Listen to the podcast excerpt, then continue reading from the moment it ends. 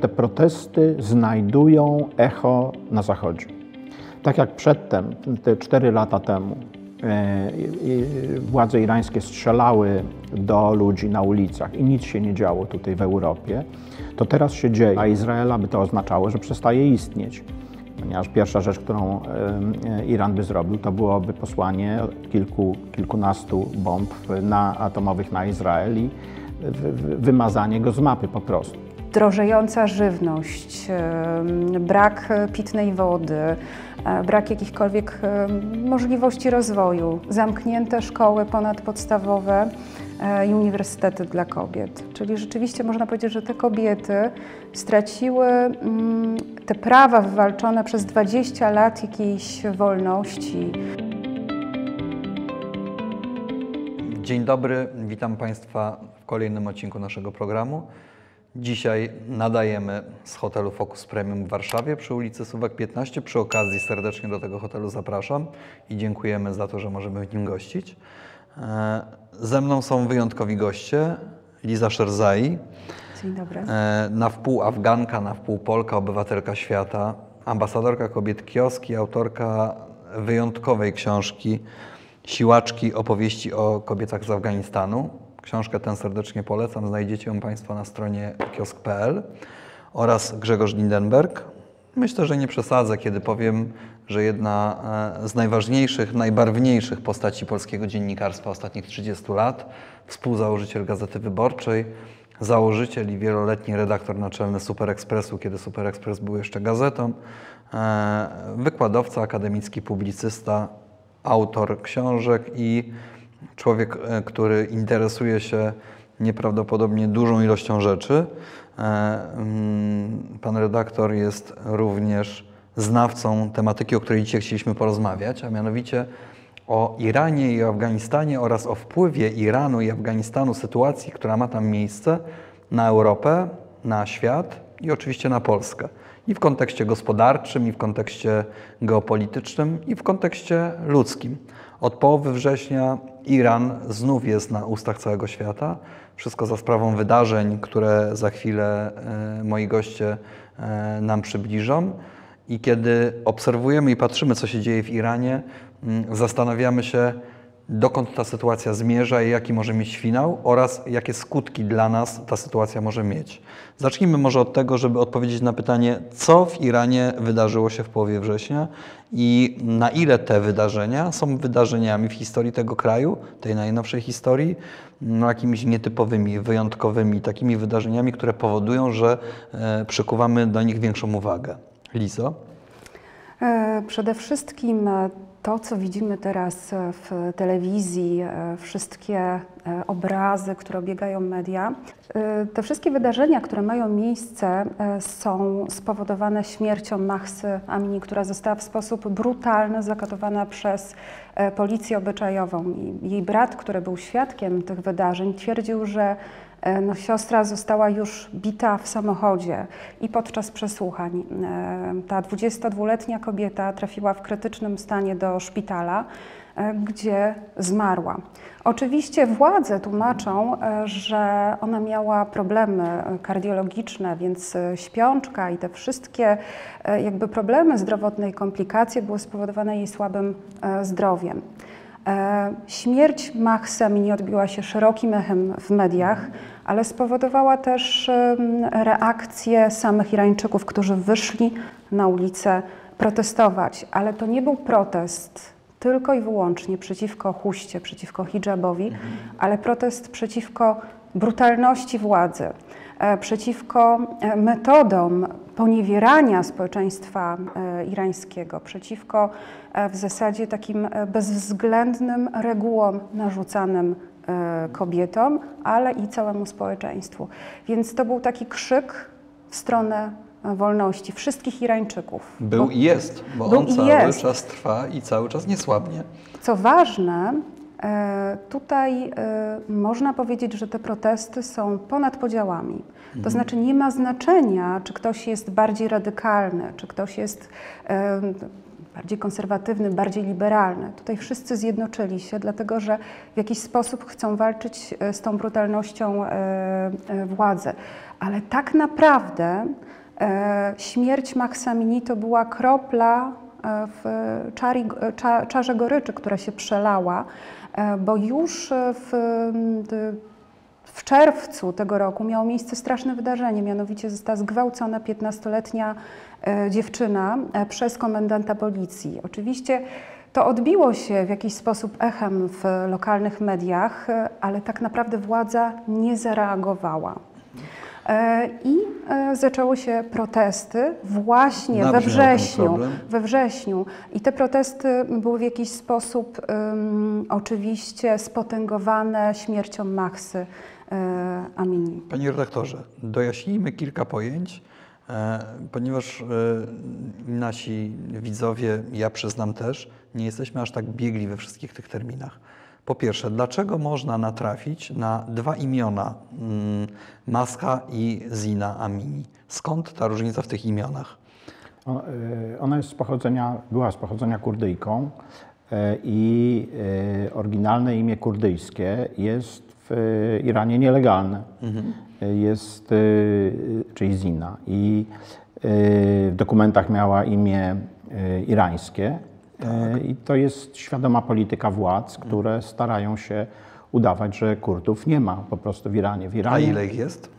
Ilu ich jest? Jest y, kilka, jest około 10 milionów w chyba. społeczeństwie, e, które liczy milionów? Około 70 milionów. Około 70. Ale to nie jest jedyna mniejszość. No są, hmm. są e, też inne mniejszości.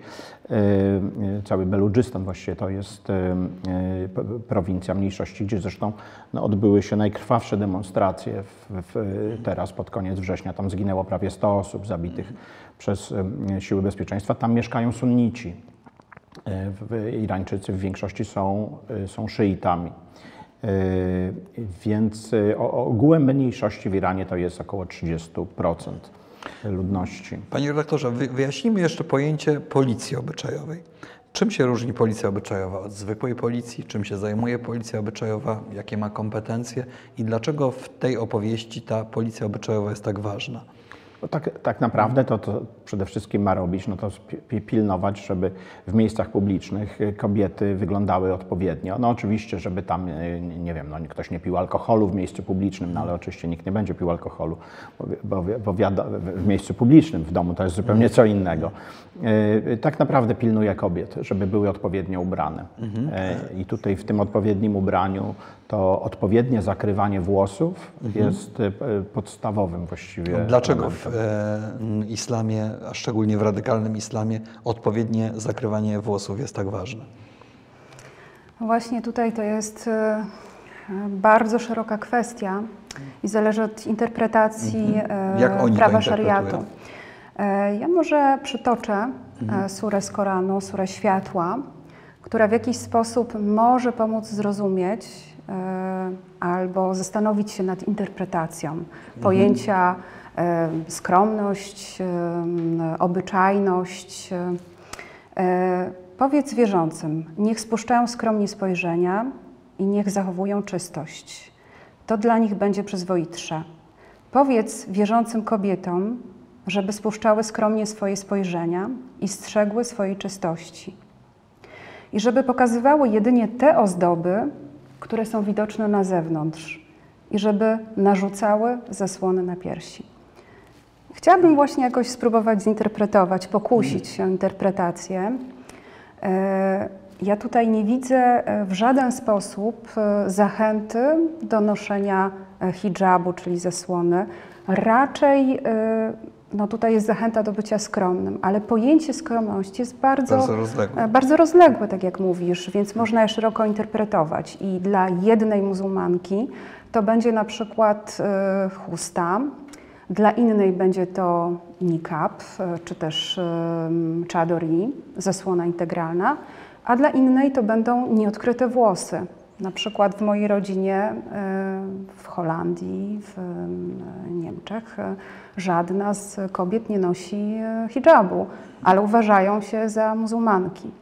I tutaj w tym kontekście ta policja obyczajowa y, no, uznała według y, irańskiej interpretacji prawa szariatu, ale też interpretacji, którą y, sama sobie w jakiś sposób wypracowała, że strój dziewczyny był nieobyczajny. Ona pokazała po prostu za dużo włosów. Ale mnie zastanowiło to, że w Iranie w zasadzie funkcjonują takie dwa światy, które są koło siebie i również w Afganistanie. Mianowicie e, irańskie elity e, w swoich dzielnicach są takie widoki, nie noszą hijabów, są bardzo, powiedziałabym, zeuropeizowane, czyli ubrane kobiety są ubrane, hmm. ubierają się w mm, wąskie rurki, w takie płaszczyki dosyć obcisłe i ta chusta jest tak luźno narzucona na włosy. Według patrolu obyczajowego e, one powinny nosić płaszczyki, które zakrywają co najmniej e, pół uda tak. i pośladki, czyli te krągłości mhm. kobiece, piersi, pośladki. Jeansy czy jakiekolwiek spodnie nie powinny być zbyt obcisłe i powinny być przynajmniej do kostki, a chusta powinna szczelnie zakrywać e, włosy. Rozumiem. Jak rozumiem, ta policja funkcjonuje w taki sposób, że po prostu jeździ po ulicach i wyłapuje każdy taki przypadek.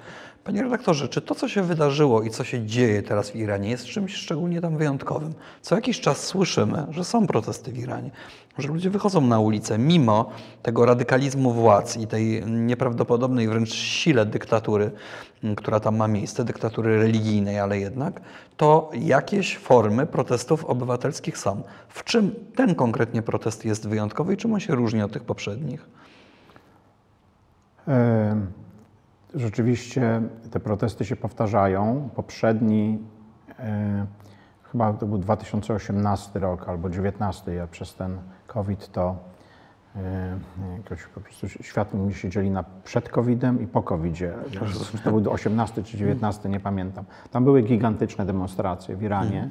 Zginęło 1500 osób. Tak, na razie zginęło mm, około 1000 osób. Nie, nie, na razie zginęło protestach. około 200. Na razie hmm. zginęło około 200 osób według e, takich ja sprawdzonych... teraz posiłkuję się danymi Amnesty International, być może no, to, są... To, tysiąc to już chyba jest przesada, mhm. wydaje mi się.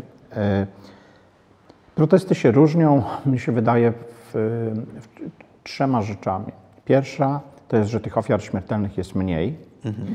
Jest mniej, ponieważ władze jednak mniej brutalnie je tłumią. E, znaczy nie strzelają od razu do wszystkich, którzy, których widzą na ulicy, tylko czasami strzelają. Druga rzecz to jest długotrwałość protestów. Te protesty trwają już około pięciu tygodni, czy ponad pięć tygodni w różnych miejscach. I właśnie długotrwałość i zasięg protestów. Praktycznie te protesty są w całym Iranie. Nie tylko w największych miastach, ale również w małych miasteczkach. Do, biorą w nich udział, czyli zasięg, też biorą w nich udział dziewczyny ze szkół mhm. średnich, piętnastolatki, mhm. zresztą i chłopcy też zresztą. I trzecia rzecz, która jest tutaj istotna, to jest to, że te protesty znajdują echo na Zachodzie.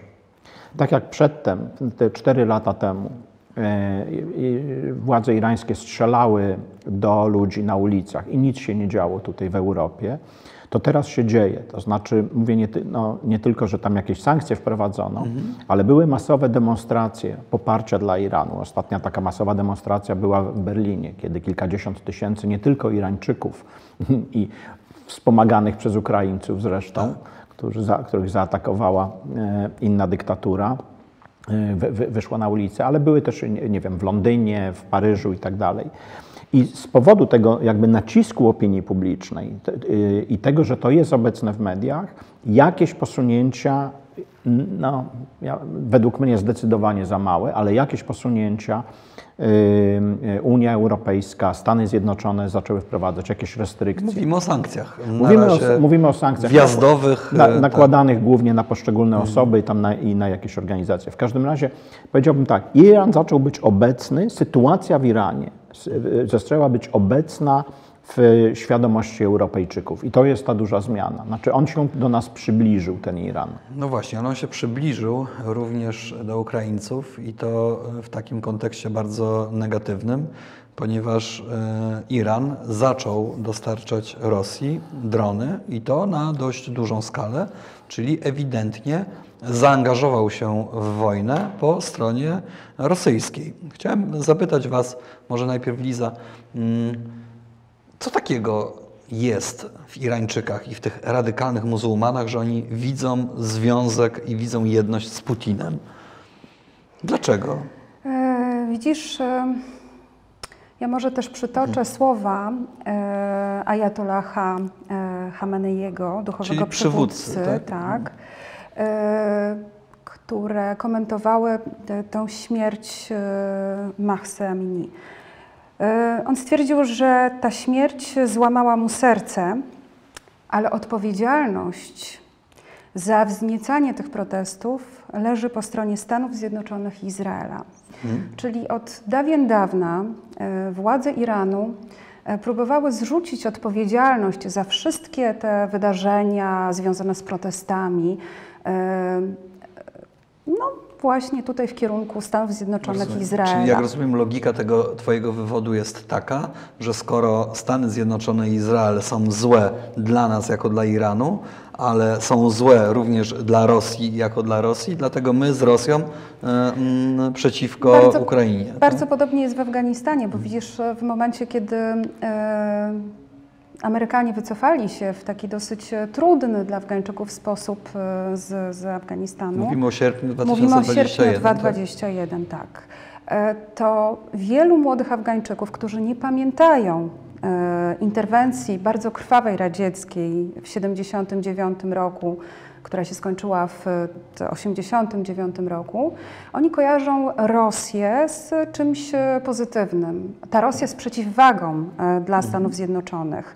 I w związku z tym może kimś pozytywnym, czymś pozytywnym. E, dlatego tutaj e, ta, to młode pokolenie zachwyca się Rosją. Dla mhm. nich ta amerykańska popkultura nie jest interesująca, w jakiś sposób nie są z nią związani. Dlatego wydaje mi się, że teraz w Afganistanie i Iranie jest dosyć podobna sytuacja właśnie polityczna. Zwrot w kierunku Rosji i nastroje e, mocne, e, antyamerykańskie. No ale to politycy, znaczy, no, ze strony polityków, ja myślę, że w Iranie Myślę, że w Iranie nastroje społeczne są zdecydowanie bardziej proamerykańskie i nawet proizraelskie. Mhm. Ale widzisz, ze względu jest... na niechęć do, do władzy właśnie. Mhm. To wszystko jest bardzo skomplikowane, dlatego że my do końca nie wiemy, co tak naprawdę się dzieje, bo niewiele tych rzeczy przedostaje się do opinii publicznej, e, ponieważ w Iranie też Facebook czy Twitter, e, no gdzieś są nakładane restrykcje tutaj, więc... Nie mamy po prostu dobrego dostępu do nie informacji. Nie mamy dobrego dostępu do mhm. informacji. Podobnie jest... Też ludzie nie ujawniają publicznie swoich proamerykańskich czy proizraelskich sympatii. No tak, ale panie redaktorze, ta, e, e, to, to, silne wsparcie dla Rosji, e, ono może już mieć konkretne określone skutki również dla nas, bo przecież to, że Iran dostarczył, trudno powiedzieć ile tych dronów, bo te liczby znowu padają różne. Różne. Tak, ale te drony podobno są mm, bardzo wysokiej jakości. Też trudno mi to ocenić, tak? Wiemy przecież E, czym są tureckie drony, tak? natomiast być może niewykluczone, że irańskie drony są równie świetne, mm, to, no to, to już może mieć jakieś bardzo konkretne, określone skutki również dla nas, jak i podpisano dwa dni temu umowę na jakieś części składowe do gazociągów. Mm, to jest 40 turbin do gazociągów, być może to początek jakiejś współpracy. Rosja w ten sposób, jak rozumiem, omija sankcje. Co to dla nas oznacza? Znaczy Rosja omija sankcje e, i Iran omija sankcje, e, bo Iran e, jest krajem, który jest cały czas poddany sankcjom z powodu swojego programu nuklearnego.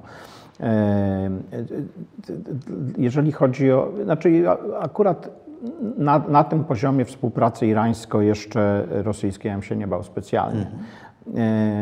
Te drony są systematycznie zestrzeliwane i będą zestrzeliwane coraz lepiej. E, e, najbardziej się cieszy z tej transakcji pewnie Izrael, bo te drony miały być przeciwko Izraelowi używane, więc to jest fantastyczne pole, na którym można sprawdzić, co, co przeciwko tym dronom rzeczywiście działa. Mhm. Dlatego Izrael dostarcza danych wywiadowczych e, Ukrainie na temat tych dronów. Na pewno dla y, y, Iranu to jest zastrzyk pieniędzy, bo oni mhm. nikomu innemu tych dronów, znaczy mało komu mogą te drony sprzedać, a tym bardziej turbiny mhm. Y, gazowe. Znaczy, myślę, że znaczy, ja jestem przekonany, że ta sprzedaż tych dronów, ona się zakończy niczym. To znaczy się zakończy tym, że one zostaną w ogromnej większości zestrzelone po prostu. Przez systemy Przez, antyrakietowe. przez systemy antyrakietowe, które s- są y, na Ukrainę dostarczane. Już w tej chwili ponad połowa tych dronów jest zes- zestrzeliwana. Y, One jednak są łatwiejsze do strzelenia niż, y, niż y, pociski rakietowe, które dużo szybciej się poruszają. Drony się poruszają z szybkością sto kilkadziesiąt kilometrów. Można je na dobrą sprawę, jak nisko lecą, z pistoletu maszynowego zastrze- zestrzelić, co też się zdarzało i są filmiki na ten temat, prawda? Natomiast oczywiste jest, że ta współpraca będzie, będzie rosła. Najgroźniejszy jest tutaj aspekt, jak domyślam. aspekt taki, że to będzie współpraca polegająca na wsparciu rosyjskich naukowców i inżynierów w budowie irańskiej bomby atomowej. Em, y, I nie wiadomo, czy za te drony na przykład Rosjanie nie zobowiązali się zapłacić nie w żywej gotówce, tylko właśnie we wsparciu y, technologicznym ym, i y, inżynieryjnym. No to idźmy już dalej i powiedzmy, co by to oznaczało, gdyby rzeczywiście Iran taką bombę atomową posiadał przy współpracy z Rosjanami zbudowano. Znaczy, dla nas nie wiadomo, bo to zależy od tego, na ile ich y, rakiety dla dalekiego zasięgu, y, balist- rakiety balistyczne, strategiczne są w stanie dosięgnąć Europy. Na razie to, co mieli, to było w stanie dosięgnąć południa Europy. Dla Izraela by to oznaczało, że przestaje istnieć. Ponieważ pierwsza rzecz, którą Iran by zrobił, to byłoby posłanie kilku, kilkunastu bomb na, atomowych na Izrael i wymazanie go z mapy po prostu. Dlatego ja jestem przekonany, że, że Iran nie będzie miał tych bomb atomowych, niezależnie od tego, jakie, jaka będzie współpraca z Rosją i czy będzie e, umowa e, Iran-Zachód na temat e, powstrzymania programu atomowego, czy nie. Znaczy, e, Izrael w żadnym wypadku nie może dopuścić do tego, żeby e, Iran te bomby atomowe miał, nawet za cenę wywołania konwencjonalnej wojny. Przejdźmy może do spraw bardziej przyziemnych, bo rzeczywiście em, bardziej lekko nas zmroziło. No, Nie wiem, czy one będą bardzo bardziej przyjemne, ale na pewno bardziej przyziemne. Lizo, co w ogóle w tej chwili dzieje się w Afganistanie? Napisałaś em, w książce Siłaczki opowieści o kobietach z Afganistanu. Jeszcze raz tę książkę serdecznie wszystkim polecam do nabycia w sklepach kiosk e, w całej Polsce oraz na stronie kiosk.pl.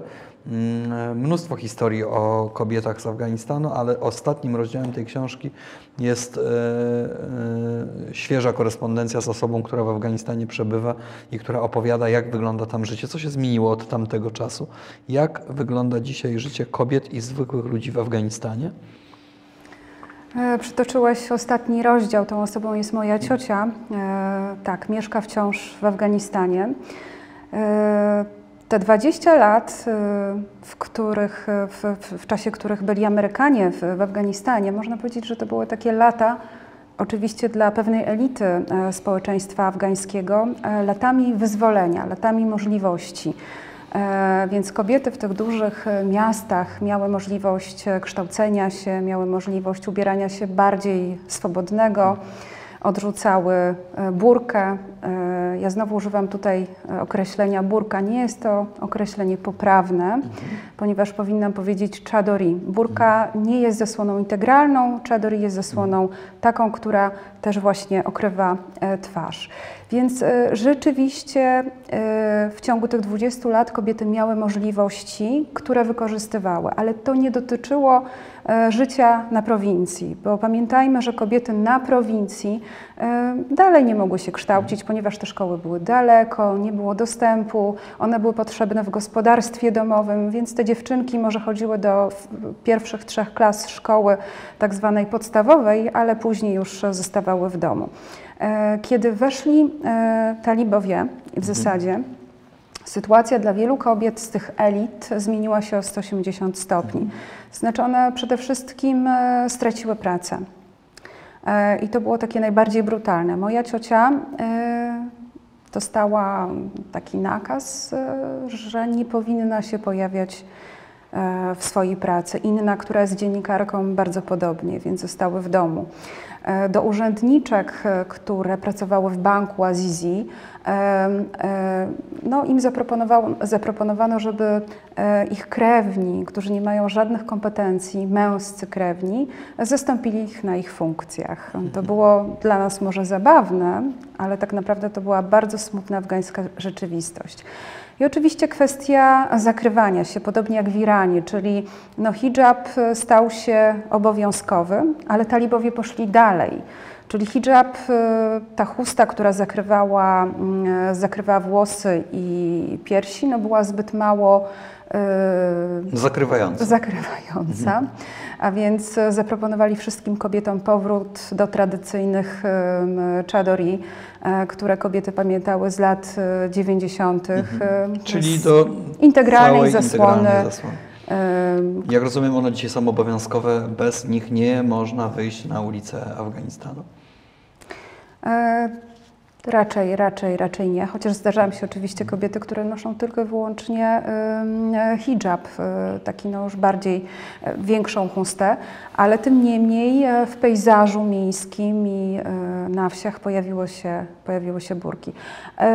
To nie są jedyne zmiany. Przede wszystkim dużym problemem jest to, że ludzie nie mają pracy, czyli ogromne bezrobocie, inflacja drożejąca żywność, brak pitnej wody, e, brak jakichkolwiek możliwości rozwoju, zamknięte szkoły ponadpodstawowe e, i uniwersytety dla kobiet. Czyli rzeczywiście można powiedzieć, że te kobiety straciły mm, te prawa wywalczone przez 20 lat jakiejś wolności. E, akurat dla mojej rodziny to były dobre lata. Kobiety mogły się rozwijać zawodowo, kształcić.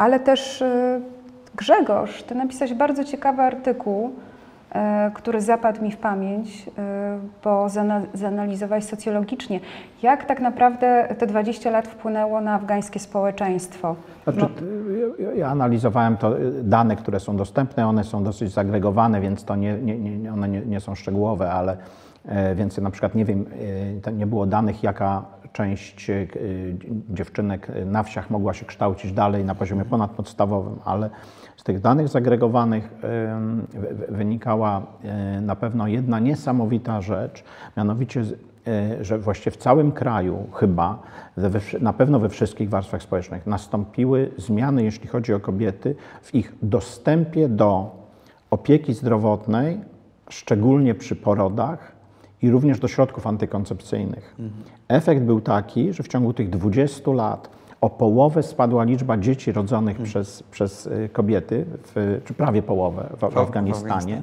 O połowę spadła liczba małżeństw zawieranych przez nastolatnie dziewczyny, mhm. dziewczynki, 15-19 lat, młodszych nie ma danych, nie wiemy, o połowę. I o ponad połowę spadła śmiertelność kobiet w połogu, przy porodzie i w połogu. Co to znaczy? To znaczy, że oczywiście i tak ta śmiertelność była niebotycznie wyższa, bo to było około 600 kobiet na 100 tysięcy rodzących. Nie wiem, w Polsce pewnie jest kilkadziesiąt albo i mniej. E, ale to oznacza, że co roku parę tysięcy kobiet nie umierało w czasie rodzenia dzieci a ponieważ tych porodów było mniej, więc znacznie więcej kobiet przeżyło niż by przeżyło. Ja tam wyliczałem, już nie pamiętam, ale już nie mówiąc o no, noworodkach oczywiście, które przeżywały znacznie częściej niż, niż, niż wcześniej. Ten system, nie mam danych, jak to wygląda w tej chwili, są tylko anegdotyczne dane. Ten system opieki zdrowotnej taki, że można było w ciągu dwóch godzin, taka była idea, że w ciągu dwóch godzin samochodem, nawet po kiepskich drogach, można było dojechać do ośrodka zdrowia, ten system przestał istnieć. Część lekarzy wyjechała, pielęgniarek, położnych, nie ma pieniędzy na to, żeby na środki, y, y, na lekarstwa, nie ma pieniędzy na, na płacenie lekarzom. Y, y, organizacje międzynarodowe, które pomagały w tych projektach, one przestały tam działać. Y, a talibowie mają to w nosie, czy kobiety umierają w czasie porodów, czy nie umierają. Zawsze się jakieś tam nowe znajdą. Więc Rzeczywiście pewnie te, te 20 lat największy wpływ miało na y, kobiety z miast, na, na kobiety z rodzin zamożniejszych. Y, natomiast na takim no, podstawowym zupełnie poziomie przeżywalności to była niesamowita zmiana dla kobiet w, Afga w Afganistanie i, i ta zmiana się skończyła albo się skończy za chwilę całkowicie. To znaczy, że wróci, wróci do sytuacji, że jedna na 60 kobiet rodzących dziecko umiera. Jeszcze ja może przytoczę takie sytuacje, które mają miejsce w Afganistanie i to jest codzienność Afganek. E, w szpitalach brakuje sprzętu, brakuje środków opatrunkowych, brakuje e, lekarstw e, i często na przykład lekarze podejmują decyzję o ratowaniu życia i zdrowia kobiety i dziecka i na przykład decyzję o cesarskim cięciu ale okazuje się, że tak naprawdę nie mają narzędzi podstawowych do przeprowadzenia tej, tej operacji, bo to jest operacja, nie zabieg. Mm, albo na przykład proponują kobiecie, że musi kupić skalpel, igły i nici do szycia. I taka kobieta, która pochodzi z obszaru niezurbanizowanego, ze wsi, ona nie jest w stanie w żaden sposób e, zapłacić za to. Zapłacić. Także e, zwiększyła się na pewno śmiertelność kobiet. Poza tym, ja pamiętam jeszcze w Afganistanie, jak byłam w 2019 roku, to były prowadzone takie dosyć powszechne akcje, nawet w środowiskach biednych, e, szczepionkowe. Mhm. To znaczy taka ekipa, delegacja pielęgniarek chodziła dosłownie od domu do domu i proponowali szczepienie. Natomiast teraz no nie ma tego rodzaju mm, usług. usług. W związku z tym pewnie też pojawią się choroby, które w jakiś sposób zostały wyeliminowane e, przez te 20 lat, choroby zakaźne. To też jest bilans niestety e, tej władzy Tej władzy. Panie redaktorze, pan mm, specjalizuje się ostatnio i bardzo dużo mm, pańskiej energii jest przeznaczanej na badanie sztucznej inteligencji. Bada pan takie procesy co się stanie w przyszłości, gdybyśmy mieli postarać się prorokować, co się stanie w przyszłości w Iranie i w Afganistanie i jaki wpływ będą miały te wydarzenia na świat, Europę i Polskę, to co by Pan powiedział? E, powiedział, że niestety, jeśli chodzi o Afganistan, to cokolwiek się tam nie stanie, to nie będzie miało wpływu na świat. E, e, natomiast to znaczy, że talibowie mogą wyrżnąć połowę ludności i nikt palcem nie ruszy, ponieważ świat już jest zmęczony tym zajmowaniem się Afganistanem. Znaczy świat, mówię, i, i opinia publiczna, i ludzie, i politycy. Także niestety, znaczy nie wiem, co się stanie w Afganistanie, ale nic dobrego tam się na pewno dla ludzi, którzy tam mieszkają, nie, nie, nie będzie działo. Natomiast myślę, że nie będzie miało to wpływu na świat. Natomiast ja bym stawiał na to, że w przyszłym roku albo w, za dwa lata wybuchnie wojna z Iranem, e, pewnie Iranu z Izraelem, e, ponieważ Iran nie zaprzestanie mm, programu budowy bomby.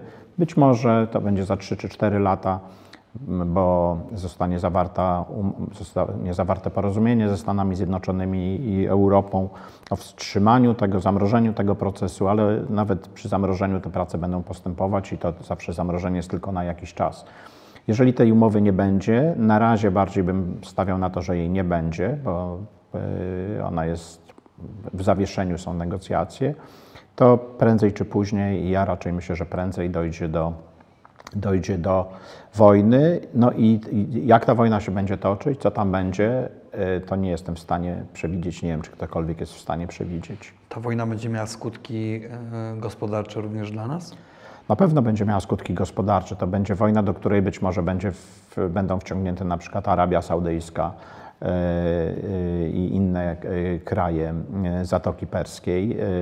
Iran, pierwsza rzecz, którą zrobi, to zablokuje Y, cieśninę Ormus, przez mhm. którą przepływa, nie pamiętam ile, 20% światowego handlu y, ropą naftową. Możemy się domyślać, jak to się zakończy Europy. Y, więc na pewno ropa naftowa, ropa naftowa podrożeje. Długoterminowo ja jestem optymistą, ja zawsze jestem optymistą. To zauważyłem. Zawsze jestem optymistą, więc długoterminowo po, po tych mułach, którzy rządzą Iranem, nie zostanie ślad po prostu. Natomiast a, a, co, a, co, na, a co nastąpi? Ja myślę, że nastąpi, w najlepszym przypadku nastąpi coś w rodzaju tego, co było w Tunezji, to znaczy przed, przed zamachem stanu, to znaczy demokracja z, silnym, z silnymi nutami e, islamskimi. Mhm. Ale kraj demokratyczny, taki, że jak w Tunezji to było bardzo interesujące, tam partia islamistyczna bardzo uczciwie brała udział w wyborach i kiedy przegrała wybory, to po prostu się wycofała i oddała władzę. Mhm. I więc mam nadzieję, że coś takiego w Iranie nastąpi. Iran jest, jest krajem muzułmańskim o tyle innym od innych krajów muzułmańskich, a mówimy właściwie o wszystkich krajach muzułmańskich, możemy powiedzieć, od wszystkich krajów muzułmańskich, a szczególnie od krajów arabskich, że z jego punktu widzenia islam, z punktu widzenia tradycji irańskiej, islam to jest nowinka. Mhm. Iran, czyli Persja, my się uczyliśmy o Persji w szkołach, Oczywiście. ponieważ Persja walczyła z y, Grecją i tutaj były wojska perskie w Europie. Było to 2,5 tysiąca lat temu. Nie będę mówił, czym w tym czasie zajmowały się, zajmowała się ludność w krajach arabskich, ale nie było tam niczego porównywalnego absolutnie. Iran ma w związku z tym i Irańczycy mają tradycję imperium i kultury sięgającą 2,5 tysiąca lat. Islam w Iranie ma tysiąc lat. Więc to jest nowinka po prostu. I Irańczycy mają się do czego odwoływać. Próbował to zresztą robić Szach Reza Pahlavi, który próbował budować tożsamość irańską właśnie na tradycji, tej wielkiej tradycji imperialno-kulturowej. Perskiej, perskiej. Tak, jesteśmy Persją, prawda? I więc dlatego y, islam może być po prostu religią w kraju, który ma inną kulturę, inną tradycję. Natomiast w krajach arabskich, jeżeli zabrać islam, to praktycznie nie zostaje nic więcej, bo tej tradycji, do której oni się mogą odwołać, wcześniejszej właściwie nie ma. Dlatego ja jestem, jeżeli chodzi o Iran, jestem, jestem optymistą. E, to znaczy, tylko że jestem optymistą takim, że najpierw będzie wojna e, i dopiero po tej wojnie e, wyłoni się jakiś sensowniejszy tam kraj. Natomiast dla Europy oczywiście to nie, nie, nie będą czasy dobre, natomiast no, dla Irańczyków będą bardzo złe. Mhm. Zaczęliśmy od protestów. Skończmy też protestami. Odnalazłaś bardzo ciekawy utwór Słuchaliśmy go przed e, wejściem tutaj na antenę. Gdybyś powiedziała coś więcej o tej piosence, która stała się symbolem tych protestów i o tym nieprawdopodobnie silnym, mocnym, prostym tekście, który chyba najlepiej e, oddaje, o co w tych protestach chodzi. E, myślę, że ten tekst może stać się bliskim tekstem nie tylko Irańczykom i nie tylko w tej konkretnej sytuacji. Tak, ty mówisz o piosence, która mnie bardzo ujęła, Sherwina Hajipura, Baroje, e, w której on e, właśnie wyraził manifesty, manifesty tej rewolucji. Dla mnie jest to nawet, mogłabym się pokusić o stwierdzenie, że jest to hymn rewolucji. On śpiewa w tej piosence najpiękniej, brzmi oczywiście po persku, e, że za wolność, za życie, za moje siostry, za Twoją siostrę, za nasze siostry, za e, te wszystkie drzewa, które zostały wycięte, e, za zanieczyszczone powietrze e, w Iranie. Tak naprawdę oczywiście to jest bardzo poetyckie, ale w jakiś sposób odnosi się do arogancji, samowoli władzy, która nadużywa swojej pozycji, odnosi się do podwójnych standardów i hipokryzji też elit irańskich, bo warto powiedzieć może, że sami przywódcy chętnie korzystają z Twittera czy z Facebooka, natomiast oni uważają, że społeczeństwo nie powinno mieć e, mhm. dostępu. I wysyłają swoje dzieci na studia za granicą. A to też. No, nikt tak dobrze nie mówił po angielsku jak dzieci komunistów w Polsce. Kiedy my na prowincji uczyliśmy się rosyjskiego. rosyjskiego. Ale wracając jeszcze do y, piosenki, tego hymnu rewolucji, no wiadomo, że muzyk został aresztowany e, i tak naprawdę odpowie za podżeganie do, do protestów. Ciekawe jest też, ciekawe jest też zdjęcie, które obiegło Twitter. Dunio Rod opublikowała takie zdjęcie ze stołówki irańskiej, gdzie dziewczyny siedzą e, bez chusty i jedzą z takich jakichś e, metalowych właśnie misek, typowo irańskie śniadanie. E, W tle są mężczyźni, którzy też konsumują e, posiłek. E, I to zdjęcie no, zupełnie mogłoby nie zwrócić naszej uwagi, ale ten kontekst był niezwykle istotny, że to się wydarzyło podczas protestów, em, które upamiętniały śmierć Mahsy Mhm. I co e, takiego Amini. nadzwyczajnego jest w tym zdjęciu niezwykłego? Właśnie, że one mają Tak, odkryte rozumiem, włosy, że nie tak. noszą W hijabu. obecności mężczyzn. Rozumiem, w obecności mężczyzn, tak? I to jest zdjęcie, które w jakiś sposób no, pokazuje ten stosunek nowoczesnych e, Iranek do hijabu, bo to jest niezwykle ważne, żebyśmy mieli dla mnie świadomość, że tak naprawdę tutaj ta cała e, rewolucja, ona e, to nie jest tylko chusta, to nie jest tylko hijab, to jest po prostu e, krzyk, krzyk e, kobiet, krzyk ludzi o e, przestrzeganie ich podstawowych e, praw. Praw do życia, poszanowania życia. E, I dlatego też Ty mówiłeś o tym, że dziewczynki, e, takie nastolatki protestują e, w szkołach podstawowych. I też przypominam sobie obrazy z Iranu, w których dziewczyny krzyczą za funkcjonariuszami policji obyczajowej Besharaf, czyli bezwstydni, bez honoru, bez czci. I w ten sposób, tym krzykiem przeganiają policję obyczajową. Ale są już pierwsze zdobycze tej rewolucji. Mianowicie e, Irańczycy na jakiś czas rezygnują z policji obyczajowej, więc to już jest e, ustępstwo e, ze strony właśnie władzy Iranu. Czyli kropla dąży skałę. Ja tu Być jestem optymistką. Jak mówił Alexis Tocqueville, władze dyktatury upadają nie wtedy, kiedy są najgorsze, tylko wtedy, kiedy się poprawiają. Bo ludzie przestają się ich bać. Coś w tym jest. E, mogę Cię poprosić na zakończenie o to, żebyś e, przeczytała tłumaczenie tekstu Hajipura? Mm, proszę, ja je mam. Mm. A jakie ty masz tłumaczenie?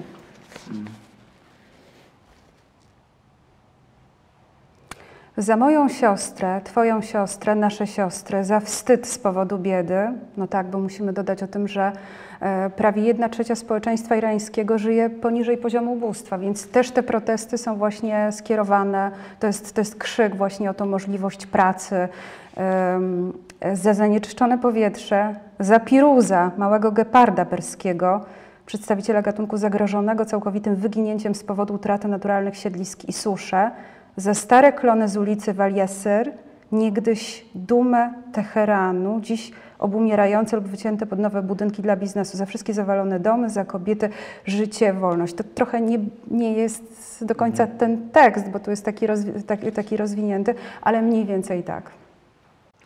Dziękuję bardzo mm, za to wyjątkowe spotkanie. E, Moimi Państwa gośćmi byli Grzegorz Linenberg, Liza Szerzai. Przypomnę, że jeżeli chcą Państwo trochę więcej opowieści o kobietach z Afganistanu, książka Siłaczki do nabycia e, w sklepach kiosk w całej Polsce oraz na stronie kiosk.pl i do zobaczenia w kolejnym odcinku.